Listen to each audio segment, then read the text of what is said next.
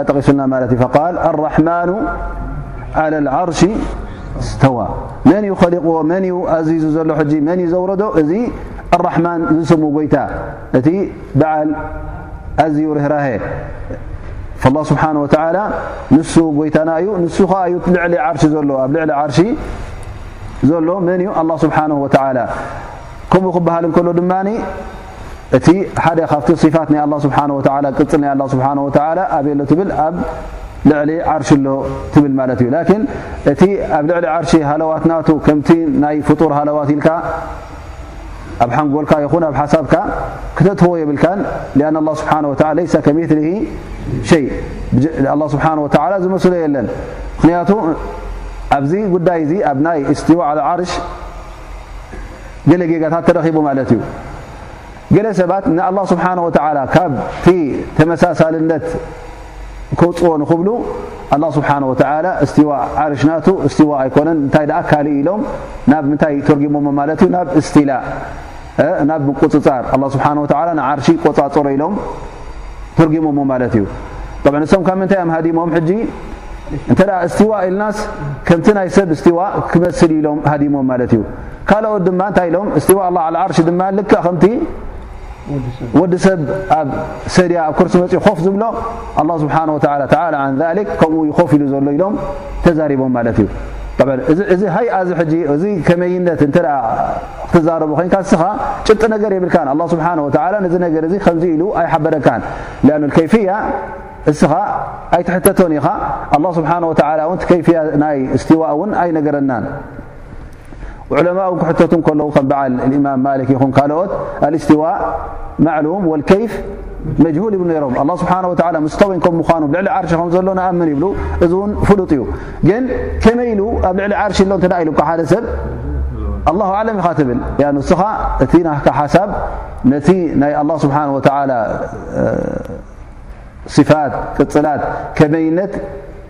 እኹል ዕልሚ የብልካን ነዚ እውን ክትበፅሖ ኣይትኽእሎን ኢኻ ኣላ ስብሓን ወተዓላ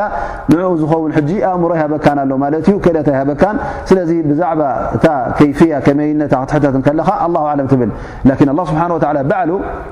ኣነ ኣብ ልዕሊ ዓርሽ ኣለኹ ኢሉ ናብ ልዕሊ ዓርሽ ኣሎ ንብል ከምቲ ናይ ሰብ ተ ኢሎምኻ ከም ናይ ሰብ ኣይኮነን ከም ናይ ፍጡር ድዩ ኣይኮነን ኣን ኣላ ስብሓን ወላ ነፋ ኣልምስልያ ኣነ ንዓይ ዝመስል የለን ስለ ዝበለን ለይሰ ከሚትሊ ሸይ ስለ ዝበለን ኣላ ስብሓን ወተዓላ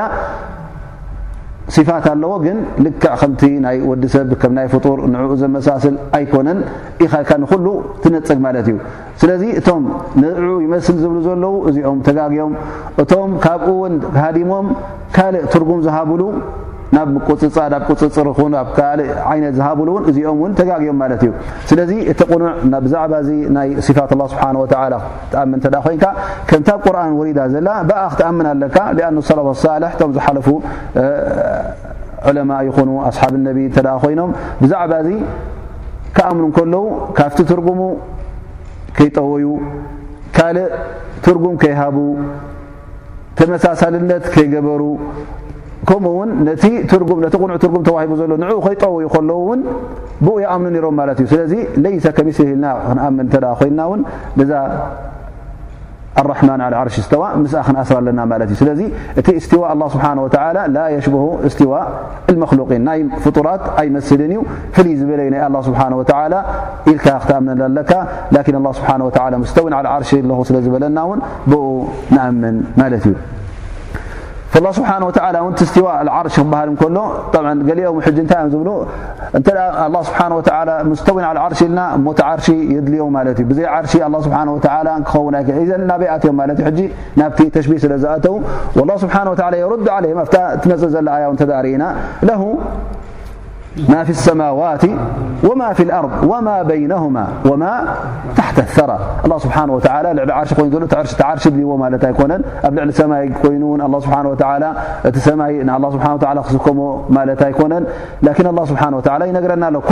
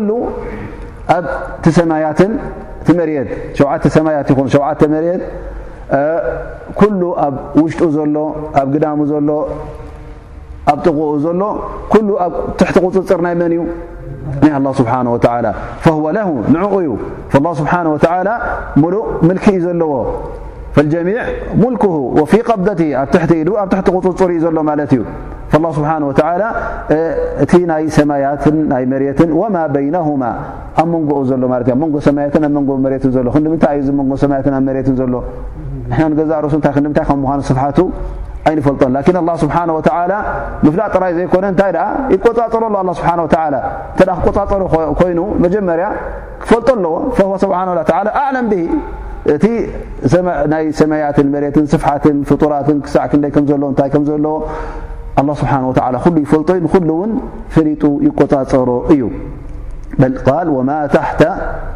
ኣራ እዚ እውን ዝያዳ ንዓና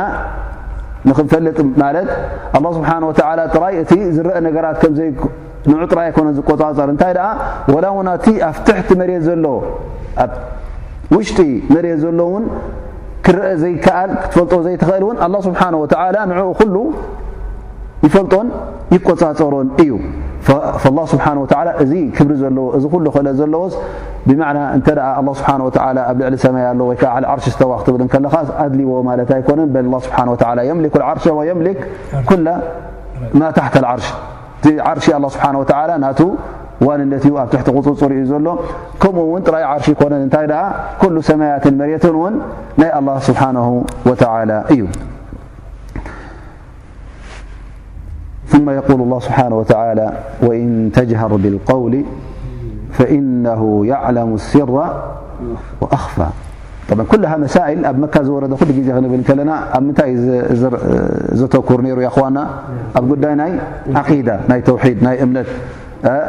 ሙሉእነት ኣላ ስብሓን ወተላ ኣላ ስብሓን ወተላ ክእለቱን ፍልጠቱን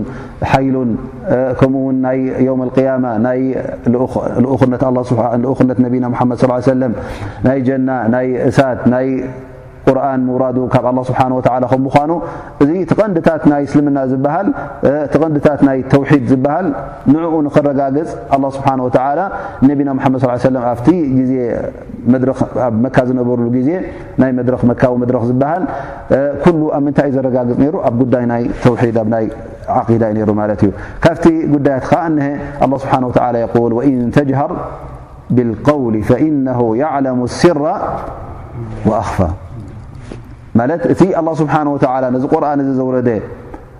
እዚ ኣብ ልዕሊ ሰማይ ኣብ ልዕሊ ዓርሺ ዘሎ ኣላ ስብሓን ወተዓላ እዚ ንዅሉ ሰማያትን መሬትን ዝኸለቐ ኣላ ስብሓን ወተዓላ ኵሉ እቲ ትብሎ ዘለኻ ቓላት እውን እያ ሙሓመድ እቲ ሰብ ዝብሎ ዘሎ ቓል እውን ኣላ ስብሓን ወተዓላ ይፈልጦ እዩ ወይን ተጅሃር ብልቀውል ኵሉ ቓላት ዝወፅእ ካባኻ ኣላ ስብሓን ወተዓላ የዕለምሁ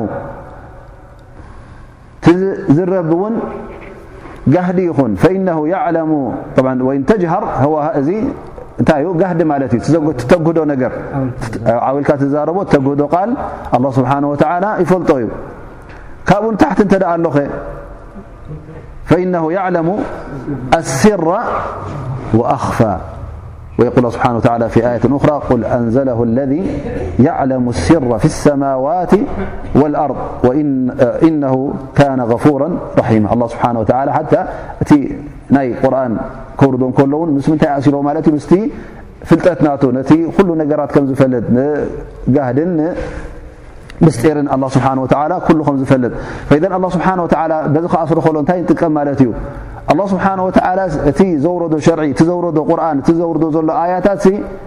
ንዓና ዝጠቅም ከም ምኳኑ ንዓና ከዋኒ ከም ምኳኑ ኣብ ኩሉ ነገራትና እውን ከም ዝጠቕመና ጥራይ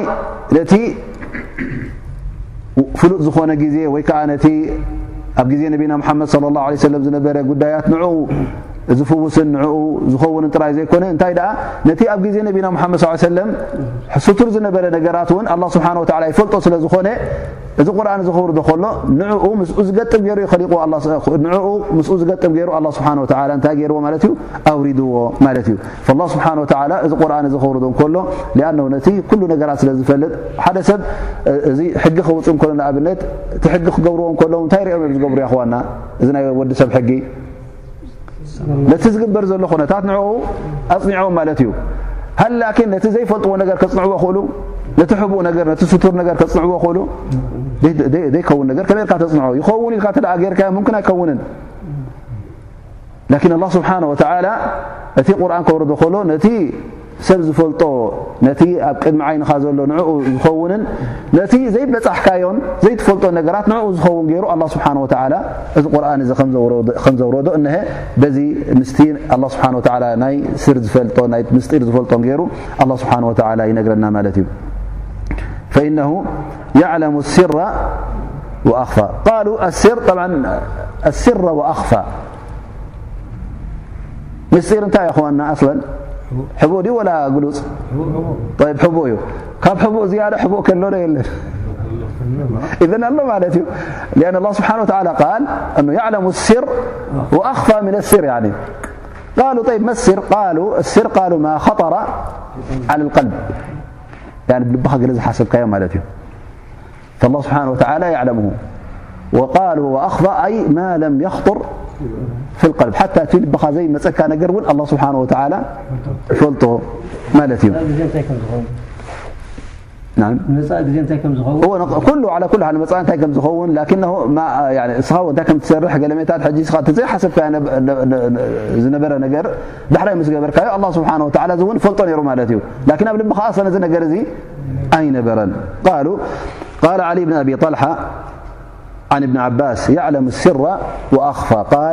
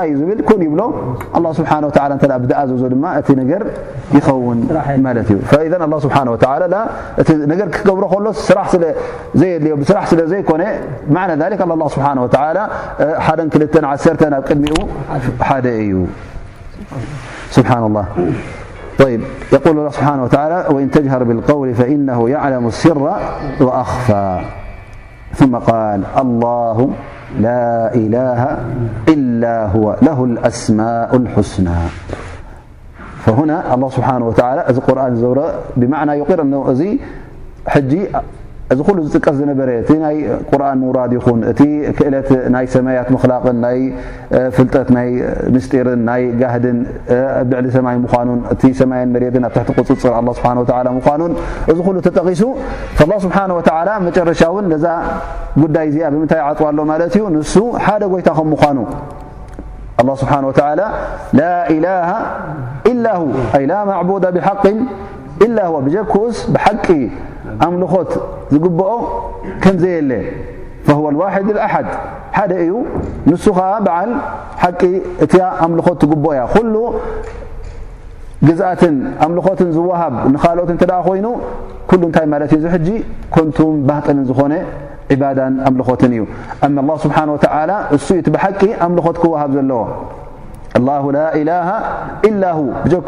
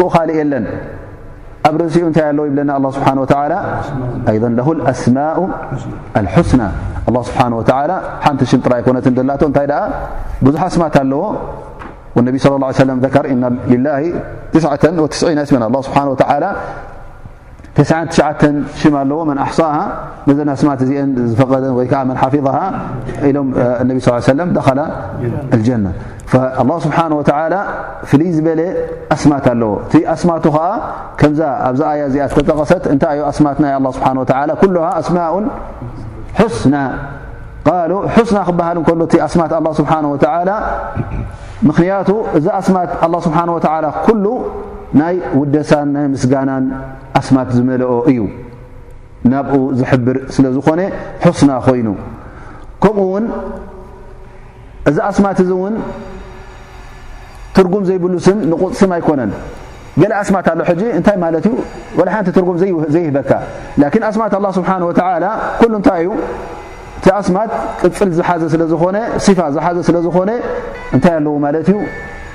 ዓብዪ ትርጉም ኣለዎ ማለት እዩ ምስቲ ክብሪ ኣላ ስብሓን ወተዓላን ምስቲ ምሉኡነት ኣላ ስብሓን ወተዓላን ምስኡ ዝኸይድ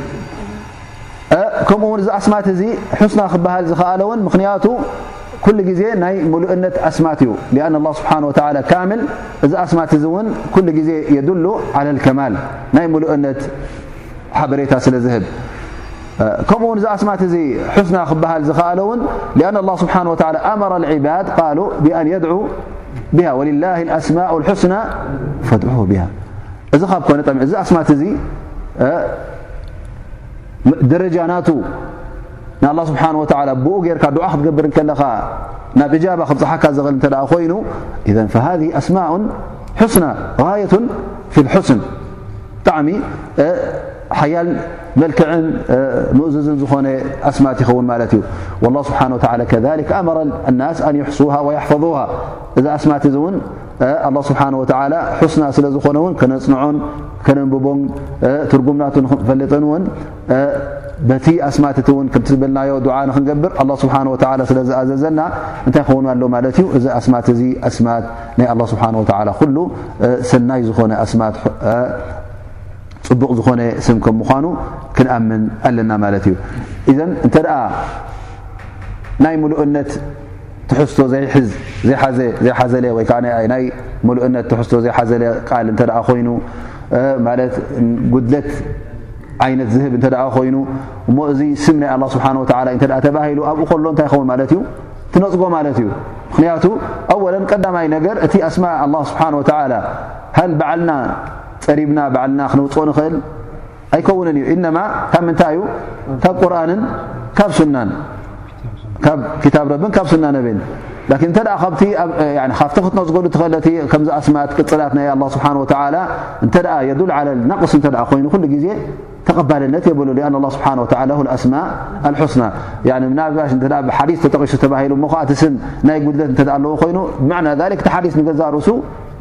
ضዒፍ ሽግር ኣለዎ ማለት እዩ ምስቲ ቁርን ይገራጮ ሎ ሓደ ካብቲ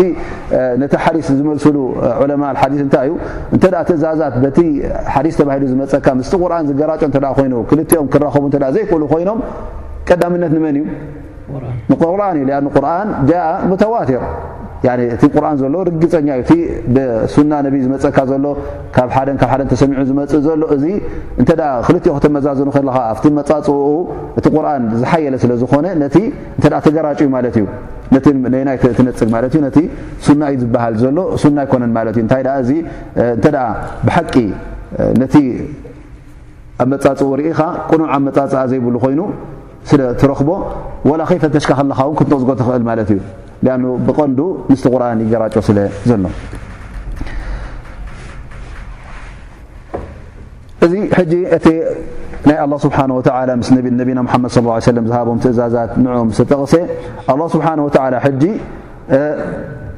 ንሰይድና ሙሳ ዓለ ሰላም ከመይ ገይሩ እቲ ዋሕይ ከም ዘወረዶ ከመይ ገይሩ ኸዓ ነብላ ሙሳ ምስ ህዝቡን ምስ ፍርዖንን ከመይ ገይሩ ከም ዝገጠመ እንታይ እንታይ ሽግራት ከም ዘጓነፎ እቲ ዳዕዋ ናቱ ቀንዲ ዳዕዋ እታ ቀንዲ መልእኽቲ ናቱ እንታይ ከም ዝነበረት እንሻ ላ ናብኣ ክንኣቱ ኢና ማለት እዩ ስብሓን ወላ ና ሃልኣታካ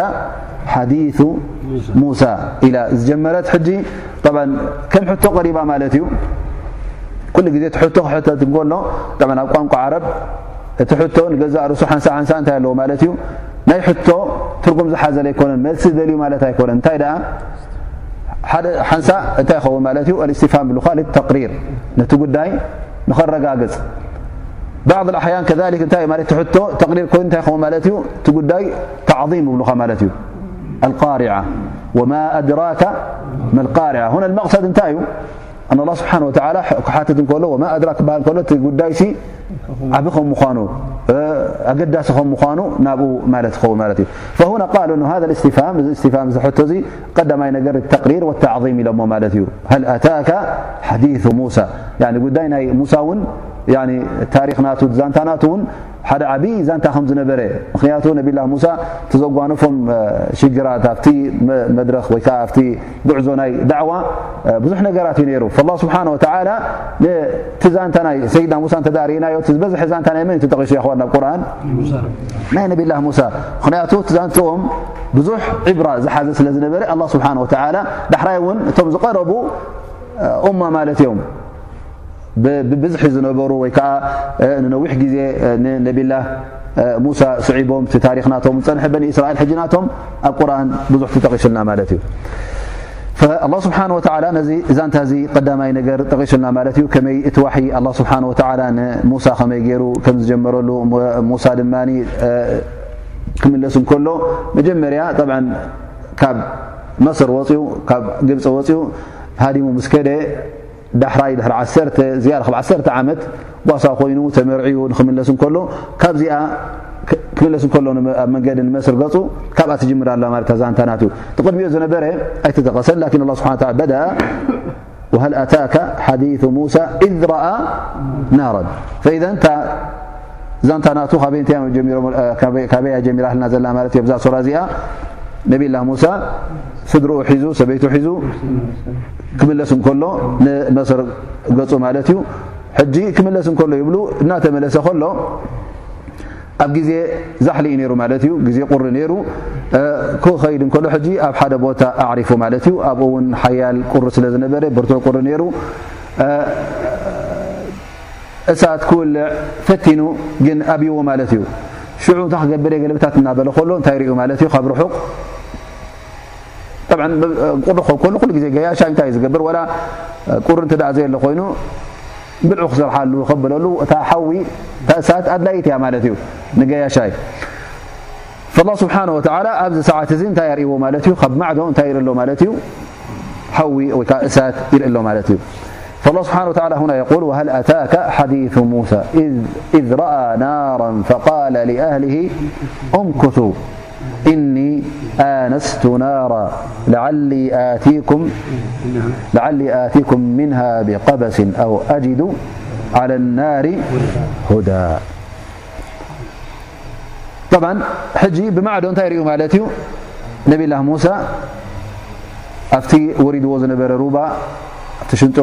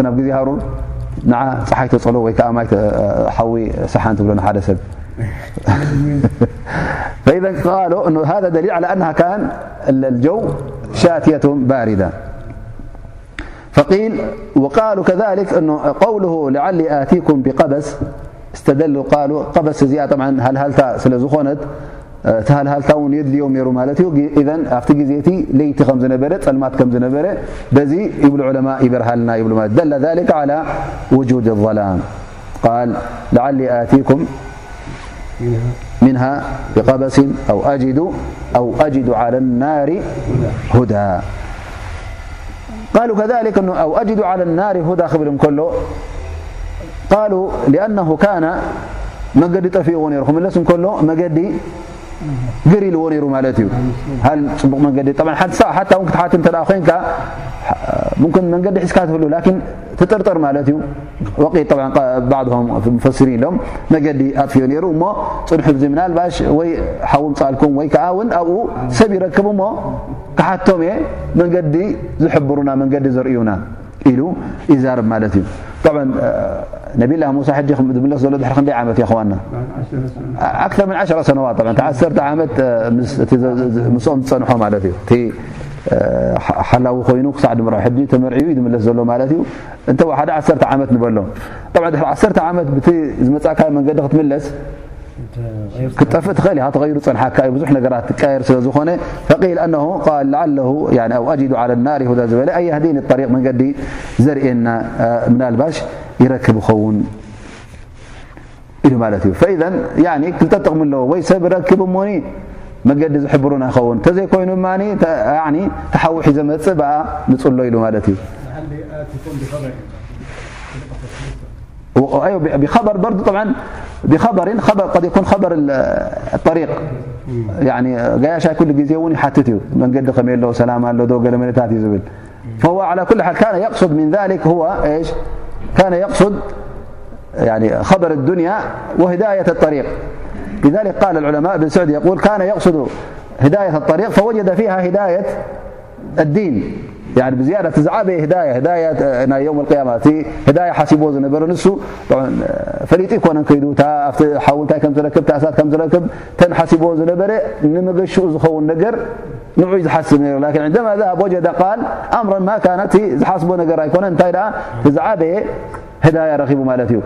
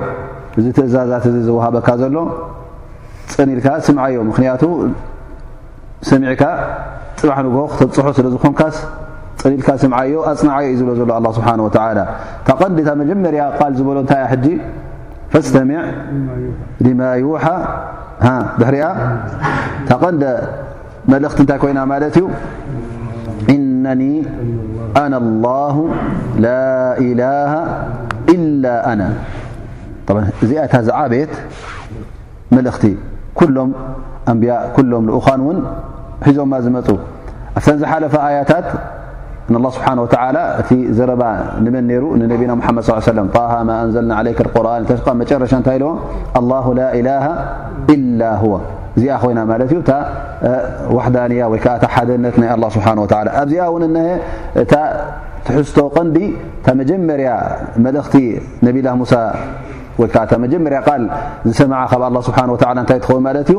እነኒ ኣነ ላ ኣነ እየ ጎይታኻ ላኢላሃ ኢላ ኣነ ብጀካይ ካልእ ኣምልኾት ዝወሃብ ጎይታ የለን ስለዚ ንዓይ ንዓይ ንበይነይ ኣምልኽ ንዓይ ተገዛ ወቁም ብዕባደቲ እነኒ ኣነ ላሁ ላኢላሃ ኢላ ኣነ ፋዕቡድኒ እዛ ቃል እዚኣ ውን ሕጂ ክሳዕ ሕጂ ውን ኣብቲ መጽሓፍ ቅዱስ ናይቶም ኣይሁዳውያን እንተ ርኢኻ እታ ቐንዲ ተን ትእዛዛት ናይ ሙሳ ዝብልዎን እታ መጀመርያ ዘላ እንታይ እያ እዛ ትእዛዝ ማለት እዩ እ ብጀካ ኣላ ካልእ ጎይታ ከም ዘየለ ኣምልኾ ዝወሃብ እውን ንሱ ከም ምዃኑ እዚኣ ክሳዕ ሎም እውን ክሳዕ ሕጂ እውን ሒዞም ኣለዉ ማለት እዩ ላኪን እቲ ኣብ ግብሪ ዝውዕል እንታይ እዩ ካልእ ነገር እዩ ላኪን ኢዘን እዛ ነገር እዚኣ እውን ክሳብ ሕጂ እውን ተፀኒዓ ኣላ ማለት እዩ ንዓኣ ተዝሕዙ እውን ኩሉ ነገር ምቐንዐ ማለት እዩ ላኪን ኣላ ስብሓን ወተላ እውን እዚኣ እውን ሕጂ ንሕና ኣብዛ ቁርን እዚኣ እውን ተቐንዲ ትእዛዝ ንነብላ ሙሳ እተዋህበት እንታይ ኮይና ማለት እዩ ኣላ ስብሓን ወተላ ሓደ ጎይታ ከም ምኳኑ ብጀክኡ ካልእ ጎይታ ከም ዘየለ ተሻራኺ ምስኡ እውን ከም ዘየለ ኩሉ ኣምልኾት እውን ንመን ክኸውን ኣለዎ ንኣላ ስብሓን ወተላ እሱ ሓደ ጎይታ ካብ ኮነ ፈዕቡድኒ ንዓይ ጥራይ ኣምልኽ ንዓይ ጥራይ ተገዛ ንበይነይ ወልዕባዳ ኩሉ እቲ ዕባዳ ዘብኡ ግዳማዊ ይኹን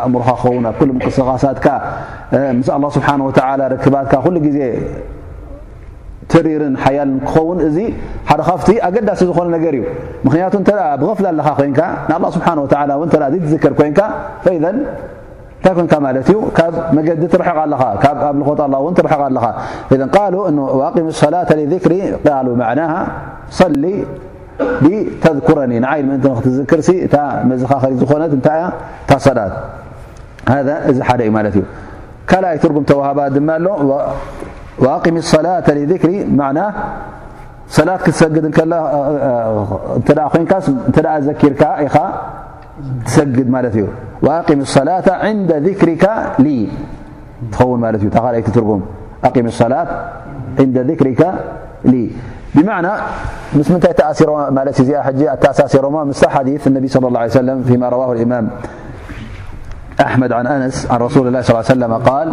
إذا رقد أحدكم عن الصلاة أو غفل عنها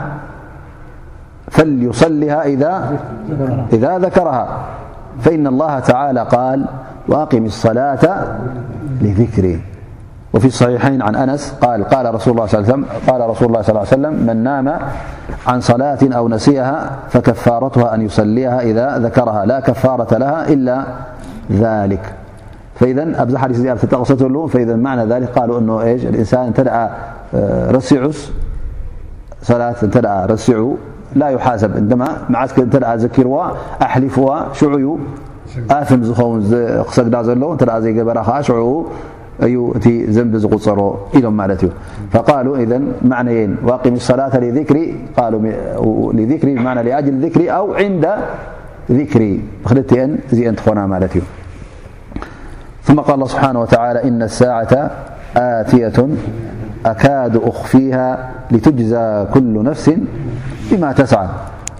ኣላ ስብሓን ወተላ ሳዓ ማዕሩፋ እንታይ ማለት እዩ ሳዓ ዮም ኣልቅያማ ማለት እዩ ዮም ኣልቅያማስ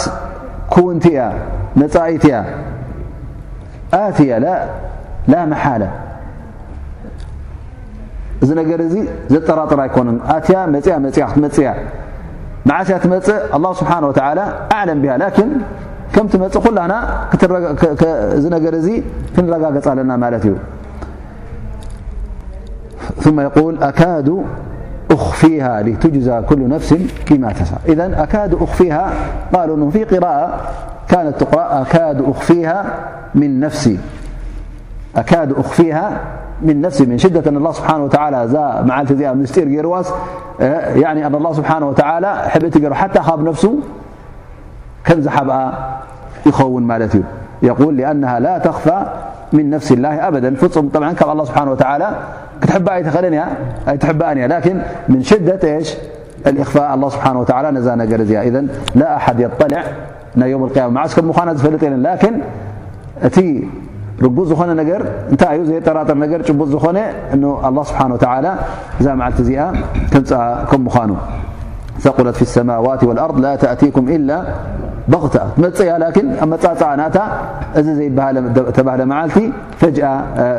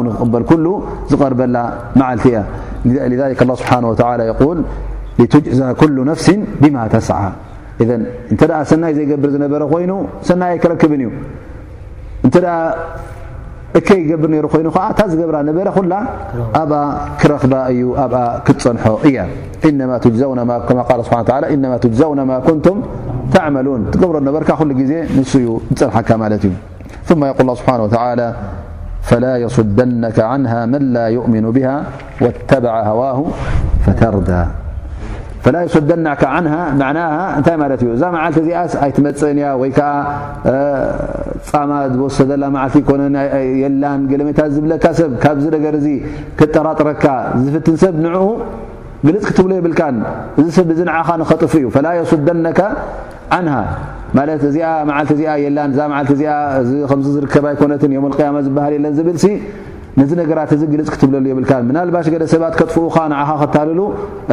መን ኣሎ ጀና ኣትዩ በፂሑ ዝተመለሰ መን ኣሎ ኣኼራ ዝረኣየ ቅድሚ ሕጂ ኢሎም እውን ገለ ሰባት እንታይ ገብሩኻ ማለት እዩ ከጠራጥሩካ ይጅምሩ እን እዚ ነገር እዚ መገዲ ናይቶም ክሓቲ ስለ ዝኾነ ናይቶም ጥፉኣት ናይቶም ብዮም ቅያማ ዘይኣምኑ መገዲ ስለ ዝኾነ ካብኦም ክንጥንቀቕ ኣላ ስብሓን ወተዓላ ይሕብረና ኣሎ ማለት እዩ ስለዚ ካብዚ ከም ዝኣመሰለ ፊትናታት እውን ክትርሕቕ ኣለካ ማለት እዩ ሰዋን ሰባት ኮይኖም ምስኦም ትጀልስ ወይ ከዓ ተንብቦ ክታብ እቲ ኮይኑ ወይ ውን ካልእ ዓይነት ካብ ልኢማን ብዮም ኣክር ካብኡ ዘርሕቕ ነገር እተ ኣሎ ኮይኑስ ካብኡ ክትርሕቕ ኣለካ ማለት እዩ እንታይ ኣ ነዚ ኢማን እዚ ሓቂ ከም ምኳኑ ን ከተጽንዕ ኣለካ ብኡ ክትኣምና እንተ ኣብዚ ነገር እዚ ተጋጊኻ እሞ ንኦም እተ ተኸትልካ ኣ ስብሓ ወ እንታይ ይብሎ ማለት እዩ ፈተርዳ ኢሉ ነጊርዎ ወተብ ፈተርዳ ብማዕና ፈታህሊክ እተ ንኦም ተኸትልካ እሞ ከዓ ቅያማ የለን ዮም ቅያማ ኣይትመፅእን እዩ ወይ ከዓ መቕፃዕትን ካልእ ነገራትን የለን ኣብ ዮም ያማ ኢልካ እተ ዝዝረብ ኮይኑ እሞ ዓ ንዕኦም ሰሚዕካ እስኻ ጠፊእካ ማለት እዩ እሞኒ ተጠንቀቂ ኢሉ ኣላ ስብሓን ወተላ ንኩሉ ወዲ ሰብ ኣላ ስብሓን ወተላ በዛ ኣያ እዚኣ የጠንቀቆ ኣሎ ማለት እዩ ናይ ሎምዓልት ደርስና በዚ ድምደም እንሻ ላ ኣብ በሎ ደርሲ ክሳዕ ንራኸብ ድሓንቀኒዩ